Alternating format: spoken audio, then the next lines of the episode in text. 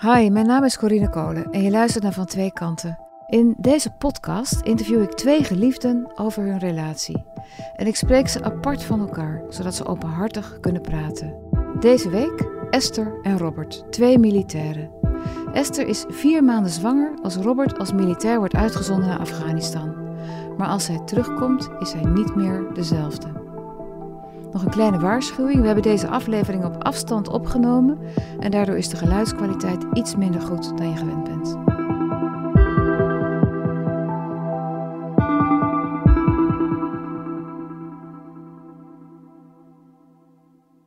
Ik ken uh, Esther via uh, Volkel, vliegbasis Volkel. Daar werkte zij toen. En ik ben daarheen gegaan als uh, corporaal om daar mijn uh, ja, tussenopleiding eigenlijk te volgen. En daarna zou ik doorgaan weer terug naar Soesterberg. Voor mijn, de officiële plaatsing zou ik maar zeggen. En ik heb ze in principe leren kennen op vliegbasis Volkel, ja, bij de brandweer. Ja goed, hij, was al, hij had zijn opleiding zeg maar al. En ik moest nog de opleiding in. En ja, daar eigenlijk aan de, aan de klets geraakt. En zo is het eigenlijk, uh, eigenlijk gelopen. Herinner je je eerste zoen nog? Ja, dat was uh, op een hele aparte plek. bij uh, Woensrecht ligt natuurlijk bij Berg op Zoom die kant op. En we zouden naar de zee gaan. Maar daar, daar is wel water, maar dat is echt gewoon ja, echt scheepvaartverkeer. Dus niks romantisch, zeg maar, als Scheveningen of Zandvoort of iets dergelijks. Maar gewoon ja, keien en gewoon van die vrachtschepen die voorbij kwamen. En daarna is het ook heel snel gegaan. En ja, dat is eigenlijk altijd zo gebleven.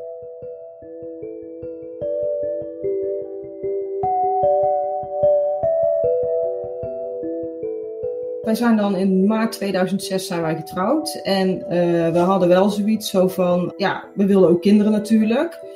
En toen kwam op een gegeven moment de brief. In 2007 moest hij uh, op uitzending naar Afghanistan. En toen hebben we eigenlijk een beetje uitgerekend naar mijn datum dat ik op uitzending moest. En uh, stel dat we, een kinder, of dat we kinderen konden krijgen, dan was het een bepaalde datum voordat ze ja, zwanger zou moeten zijn omdat ik niet wilde, zou ik zeggen, dat zij zwanger was, uh, maar vier weken zwanger of zo. En dat ik dan zou vertrekken. Dus we wilden gewoon dat ze ruim om de bij die drie maanden zwanger was. Dat hebben we een beetje uitgekiend, zou ik zeggen. Tenminste, geprobeerd. En ja, het was gelukt. dus je hebt al die bezwangerde periode heb je helemaal eigenlijk in je eentje gedaan. We hebben er natuurlijk bewust voor gekozen. Dus ik wist, nou ja, waar ik aan begon, weet je niet helemaal bij een eerste zwangerschap. Maar goed, uh, mensen hadden zoiets van, oh, moet je dat nou wel doen? Maar ja, ik had liever dat hij 4,5 maand weg is als ik zwanger ben, als dat ik net bevallen ben. Nou, we hebben het er van tevoren eerst goed over gehad. En uh, niet over mijn uitzending, want die, dat hadden we allebei nog nooit gedaan. Uh, we wisten ook niet wat ons te wachten stond. Dus um, daar kun je eigenlijk bijna niet op voorbereiden. Je hoort wel eens verhaaltjes van andere militairen. Maar uh, qua zwangerschap hebben we het goed over gehad. Ik wist dat ik dus de eerste schopjes, de beweging in de buik, hoe het zou groeien, dat zou ik niet meemaken. Niet ten lijve, zou ik zeggen. Ik zou dan wel hopelijk video's krijgen, foto's, brieven, noem maar op. Daar hebben we het wel over gehad. En ja, dan, dat weet je samen af. Is het, is het dat waard? En? Ja, ja, wij vonden dat wel. Ja, je bent militair, dus dat hoort erbij. nam ook een, een financiële potje mee. Nou, dat scheelt ook weer. Dat brengt ook weer wat dingetjes ja, die beter uitkomen. Qua verbouwen, qua auto, gezinsauto, op. Dus uh, we hebben het ja, samen over gehad en we hadden zoiets van, ja, we gaan er gewoon voor. Hoe zag je je dagen voor je en hoe anders was dat in werkelijkheid? Ja, ik heb een heel dagboek bijgehouden met hoe het allemaal ging. Ik zag het voor me als ik werk daar acht uur, dan heb ik uh, s'avonds eten, uh, wat sporten, wat dingen doen met, uh, met maten daar, zou ik maar zeggen. En het, dat was helemaal niet. Het was 24-7 heb ik daar gewerkt, dag in, dag uit. Alleen als we sliepen, maar dan lagen we nog langs de melder. Of zo die ging, moesten we eruit. Het was zandhappen en alleen maar doorgaan. En er waren ook dagen bij, zou dat je het rustig had. Dat je bijvoorbeeld alleen maar waterputten moest vullen. Of ik heb ook wel eens dagen gehad dat we voertuigen die helemaal onder het zand zaten schoonspoten met water. maar je hebt ook allerlei andere ja, verschrikkelijkere dingen gezien en meegemaakt. En daar, dat kun je je niet voorstellen. nooit van tevoren. Was het gevaarlijk werk wat hij daar deed? ja, is het gevaarlijk? Ja, want ik bedoel, uh, het kamp, er werden natuurlijk regelmatig raketinslagen en dat soort dingen, uh, bedreigingen en dat soort dingen richting het kamp. Dus je zit in Afghanistan, dus het is eigenlijk altijd wel gevaarlijk. De beginvlucht bij mij is niet helemaal lekker soepel verlopen toen ik daarheen ging. Op een gegeven moment zijn we in de buurt van Dubai zijn we geland, omdat wij een ander land kregen ze geen clearance, zoals dat heet, geen toestemming voor, om er overheen te vliegen. Ze zijn ze flink lang mee bezig geweest. We hebben daar ehm, ruim twee dagen op het vliegveld gezeten. Dus op de betonnen vloer liggen en op een bankje slapen. Toen zijn we doorgevlogen naar Kabul. Daar zijn we geland. En toen kregen we eigenlijk eerste uh, uh, tekenen van uh, oorlog al. Want bij de landing zie je dus langs het eh, vliegveld zie je al beschoten vliegtuigen staan. Een neergestort helikopter. die beelden zie je dan. Ja, en je staat er niet bij stil van het kan ons ook overkomen. Nee, want misschien redeneer je dan heel snel zo, dat ligt al heel lang. Dat, dat, uh, ja, ik had van die kartonnen militaire kistjes. Ik had mijn voet, allebei mijn voeten eigenlijk helemaal kapot gelopen. Uh, met name mijn hakken, mijn zool. En in Kabul heb ik die laten behandelen door een Australische, bij een Australische rol 2, rol 3. En die zeiden op een gegeven moment van, uh, het is of we behandelen jou hier 24 uur, of je gaat reepad terug naar huis. Uh, daar gaat er heel veel dingen door je hoofd heen. Reepad, uh, dat is terug. Geen inkomen. Tenminste, hier loopt hoop mis. Maar ik zie wel mijn vrouw. Ik heb die overweging heel snel gemaakt. Want we hadden allerlei dingen al afgesproken. Dus ik zou daar gewoon blijven. Dat, ja, ik ga niet voor een, een blaar op mijn hak. Zou ik terug naar huis. Daar heb ik me laten behandelen. En ik vloog uh, 24 uur later pas terug achter mijn collega's aan naar TK. In een Australische Black Hawk ben ik gevlogen met een uh, paar Duitsers, uh, Fransen zaten erin, een Amerikaanse crew. En vlak voor de landing, uh, die, dat is heel snel gegaan. ik denk wat ik me nog heel goed bijstaat, is dat de loopmast me aankeek en met, met name met zijn handje zo deed dat ik rustig moet blijven zitten. No panic. En de helikopter werd beschoten.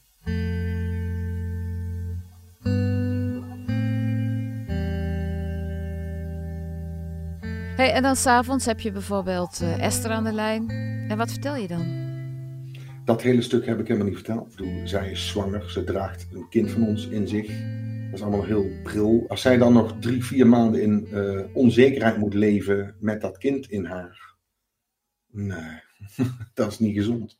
Ja, weet je, maar, ja, je, je hebt het sowieso eerst over van, goh, hoe was je dag? Ik bedoel, wat heb je gedaan? Uh, ja, heb je nog iets leuks gedaan? Uh, gewoon eigenlijk een beetje koetjes en kalfjes. En je gaat niet iedere poep en scheet die dwars zit, zeg ik altijd, ja, ga je, ga je delen. Tenminste, ik niet. En het is wel een hele zware periode geweest voor mij, zeg maar, omdat ik last kreeg van bekinstabiliteit. Heel erg. En op een gegeven moment inderdaad ook gewoon niet meer kon werken. En ja, eigenlijk niks meer mocht doen. En toen, uh, ja, uiteindelijk moet je dat dan ook door de telefoon, terwijl hij in Afghanistan zit, ja, moet je daar toch, je probeert zo min mogelijk eigenlijk te vertellen, maar ja, op een gegeven moment moet je wel. Het was um, soms wel moeilijk om dingen niet te vertellen, maar aan de andere kant was ik daar misschien wel heel nuchter in. En uh, ja, je maakt dingen mee die zijn um, leuk tussen haken, spannend, die kon ik vertellen, maar de gevaarlijke dingen en waardoor je misschien ehm, nou niet in paniek kon raken, maar die vertelde je gewoon niet. Maar eigenlijk hebben jullie elkaar zitten sparen al die maanden. Ja, je zit daar continu inderdaad, ben je daar alert en paraat en noem het maar op. En als je dan ook nog eens continu moet uh, nadenken over thuis, en natuurlijk doet hij dat wel, want ik bedoel, daar is het ook wel de persoon voor. En ik denk dat ik het daarom ook inderdaad uh, probeerde te beschermen, om, om ja, dat hij inderdaad niet continu daarmee bezig was. En ook op het moment dat jij continu gefocust bent op thuis, is jouw scherpte daar natuurlijk ook minder. Heb je je eenzaam gevoeld? Nee. Nee, eigenlijk niet. Maar ik, ik zei in die tijd ook altijd van, ik ook ben tijdelijk vrijgezel. En niet dat ik me als een vrijgezel heb gedragen hoor, maar uh, ik denk dat het ook een stukje zelfbescherming is geweest. Zo van, nou ja, goed weet je, uh, ik moet het nu alleen doen, want ik bedoel, hij zit uh, zoveel duizenden kilometers verderop dit was gewoon voor ons een mega ultieme relatietest. Zeker omdat ze zwanger was, net getrouwd, net een huisje. En ik denk dat het ons nog veel sterker gemaakt heeft. dan kom je terug en dan denk je, ziezo, dat varkentje is gewassen. We, gaan nu gewoon lekker uh, met z'n tweeën verder. We krijgen een kind. We zijn blij, we zijn gelukkig. Het leven gaat beginnen. Is dat zo? Was dat het gevoel waarmee je terugkwam? 50-50. Gedeeltelijk wel. Eigenlijk precies hoe je het zegt. Met, uh, nou, ik, ik, ik, weet nog goed dat ik aankwam en uh, ik zie mijn ouders bovenop staan. Bovenop een of ander plateautje of net wat. En in één keer tussen alle menigte zie ik gewoon zo'n bolle buik. En er kon er maar één zijn, dat was mijn vrouw. Ik vond het mega tof dat iedereen er was, maar ik wilde liefst gewoon naar huis. Ik wilde alleen met Esther op de bank zitten, gewoon tegen elkaar aan. En aan die buik voelen. En uh, het was helemaal goed. En um, alles wat er gebeurd was, net heb gezegd, het, dat was klaar. Dat boek is dicht. En uh, ik heb ook een dagboek bijgehouden, dat heb ik letterlijk dichtgeslagen. En het was gewoon, that's it. Nou ja, dan ga je dus aan de babykamer. Uh, je gaat nog wat laatste dingen uitzoeken, noem het maar op. Dan wordt je kind geboren. Dat is ook een hele verandering in je leven. Dus, en dat is eigenlijk ook allemaal goed gegaan. Want uh, er is ook niet één moment dat ik kan zeggen van, uh, en toen ging het mis. Ja, ik denk dat ik, ik volgens mij kreeg ik op een een beetje een korter lontje. Ik was sneller geïrriteerd. op een gegeven ga je ook druktes vermijden. Verjaardagen, gezin, sneller naar huis. Uh, drukke parken, uh, winkelcentra's. Ik sliep slecht. Uh, dat je s'morgen vroeg, bij eigenlijk elke morgenochtend, baden in zweet wakker werd. Een keuken zo zachtjes mogelijk dicht doen. Deuren zo zachtjes mogelijk dicht doen. Niks tegen hem zeggen. dus ja, op een gegeven moment ga je dus... Op een gegeven, je begint dan tegen de kind te zeggen van... Nou, doe maar even rustig, weet je wel. Papa voelt zich niet zo lekker.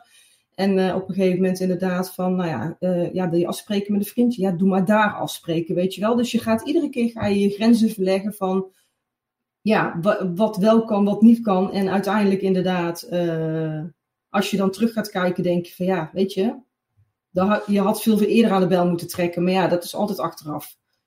Je wist wel dat er niet altijd iets, dat het, nee, je wist niet. Ik had het vermoeden dat er iets niet helemaal lekker zat, maar je hoort dan ook al wel eens over mensen met PTSS. En denk allemaal, die zijn allemaal helemaal uh, van de wous. En die gaan allemaal naar psychiaters. Die komen nooit meer in het leven terecht. Dus daar had ik het nooit over. Alleen je hoort wel eens dingen. En dan wil je eigenlijk wel in de bel trekken. Maar ook weer niet. Want die schaamte die uh, overheerst. En dat overheerst nog steeds. Waar schaam je dan voor? Ja, ik ben dan de man. En die gaat op uitzending. En ik kom dan terug als een, uh, een man. En dan moet je niet terugkomen als uh, in andermans ogen als een bangerik. Zo zie ik het. Wat was het moment dat je dacht, nu moet ik hulp zoeken? Dat is met mijn, uh, net na mijn operatie, ik ben aan mijn hart geopereerd. En uh, er was een uh, assistent, noem ik het maar even. Die deed toen mijn lies dichtdrukken. De laatste vijf minuten van de, de ligt al op de OK, dus alles al klaar. En die man ehm, is ook in uh, Kabul geweest, bij, als medisch uh, personeel, op uitzending. En we hebben het over koetjes en kalfjes, gewoon over ditjes en datjes. En niet eens over de militaire gebeuren. En op een moment kijkt hij me aan en ik kijk me recht in de ogen en zegt: Robert, jij moet praten, Robert. Dat zijn de enige woorden die hij zei.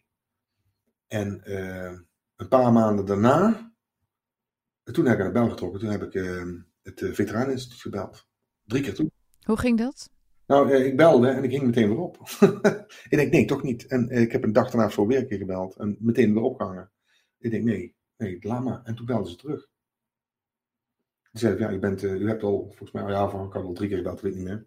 Maar zeiden van, je hebt al een paar keer gebeld en uh, misschien is het toch belangrijk. Uh, je kunt alles zeggen, het is allemaal binnen huis, binnen, binnen vier muren.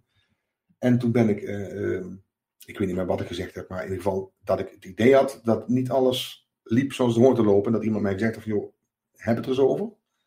En toen is het balletje heel snel gaan rollen ja, voor een ander klinkt het misschien heel vreemd, maar ik heb het eigenlijk gewoon gelaten. Zo van, weet je, ga jij eerst maar kijken uh, wat er is, uh, uh, hoe je het zelf ja, een plekje kunt gaan geven en dan kom je vanzelf wel. Ik bedoel, natuurlijk was ik heel nieuwsgierig en natuurlijk had ik zoiets van, ja, wat gebeurt hier nu allemaal? En ja, dat is gewoon niet wat je wil, want ja, het plaatje wat je voor ogen had, zo van, nou weet je, ze leven nog lang en gelukkig, heb je zoiets van, ja, en nu? Bedoel, welke beerput gaat hier opengetrokken worden? Ik zat toen in een, uh, in een bepaalde put.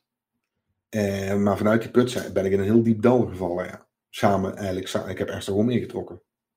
Hij kreeg dan uh, vrij intensief EMDR. Dus ja, hij gaat weer terug naar toen om, om natuurlijk zijn, ja, zijn trauma's te verwerken.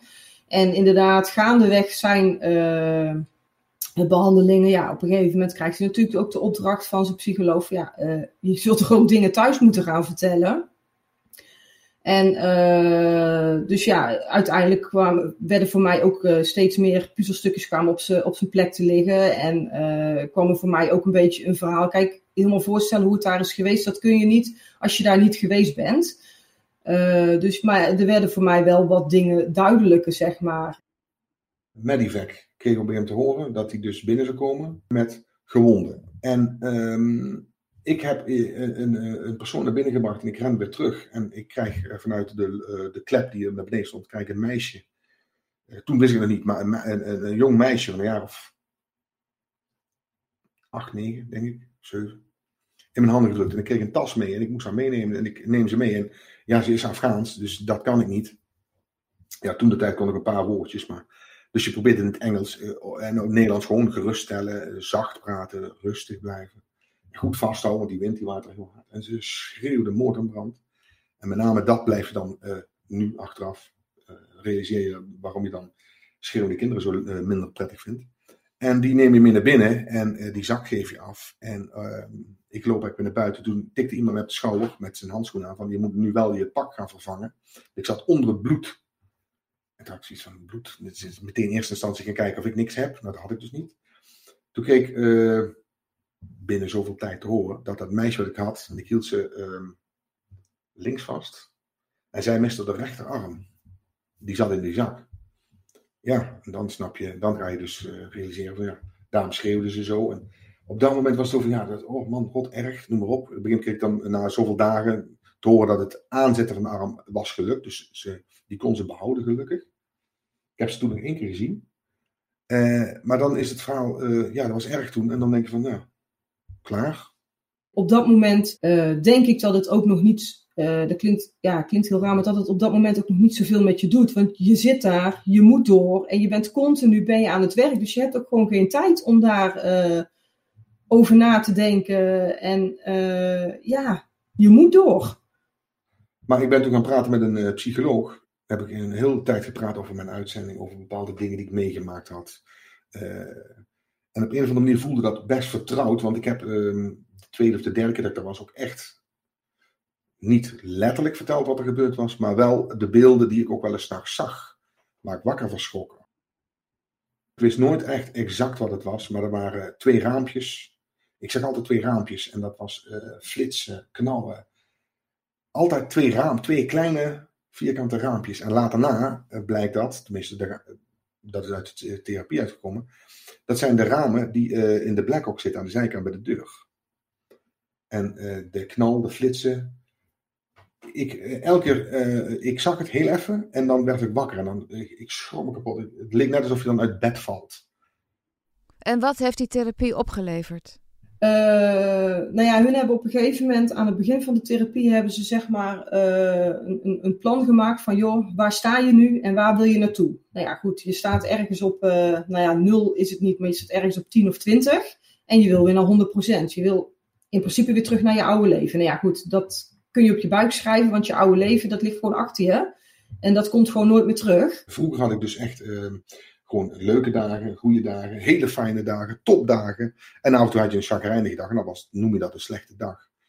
Uh, nu, na alles, zou ik zeggen, ken ik, ik herken mij uh, van vroeger niet meer. Voor de uitzending was dat allemaal. Nu, na de uitzending heb ik alleen nog maar um, een beetje slechte dagen, nog slechtere, hele slechte, mega slechte dagen. Maar het zullen nooit meer die hele goede dagen worden van voor mijn uitzending.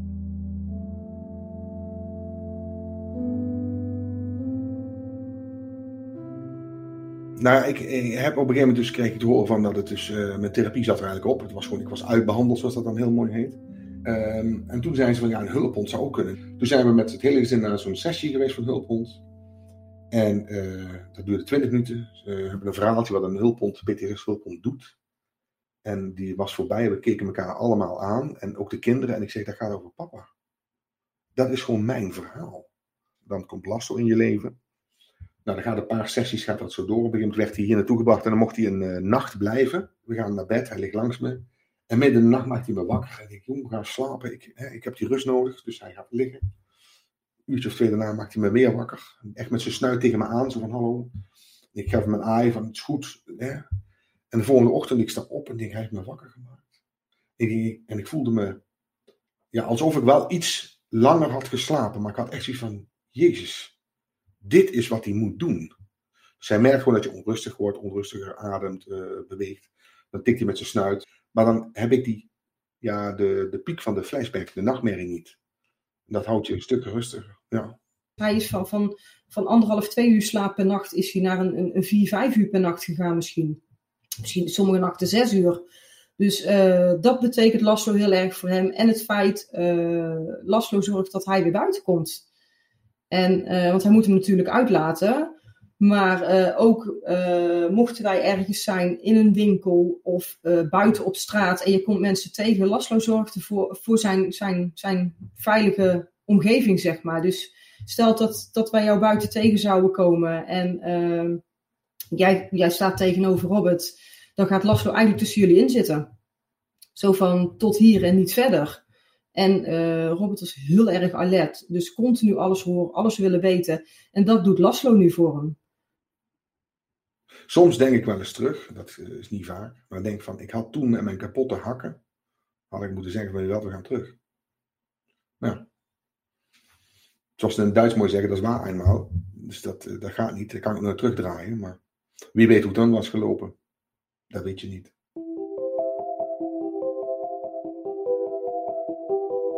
Je luisterde naar het verhaal van Esther en Robert. We zijn altijd op zoek naar nieuwe verhalen en zo zou ik graag, heel graag een keer willen spreken met een stel dat net gescheiden is en dat wil vertellen hoe je dat op een goede manier doet. Willen jullie daarover met mij praten? Mail dan naar vantweekanten.volkskrant.nl Mijn naam is Corine Kolen. Ik maak deze podcast samen met Simone Eleveld, tevens eindredacteur. De montage is gedaan door Lisette Spiegeler en de research was door David Slings. Coördinatie Corinne van Duin en de begin- en eindmuziek is gemaakt door Lula13. Van Twee Kanten is een podcast van de Volkskrant. Als je ons wilt steunen, dan kan je dat het beste doen door gewoon een abonnement op de Volkskrant te nemen. En dat kan al voor 50 cent per week via volkskrant.nl/lees. Dank je voor het luisteren.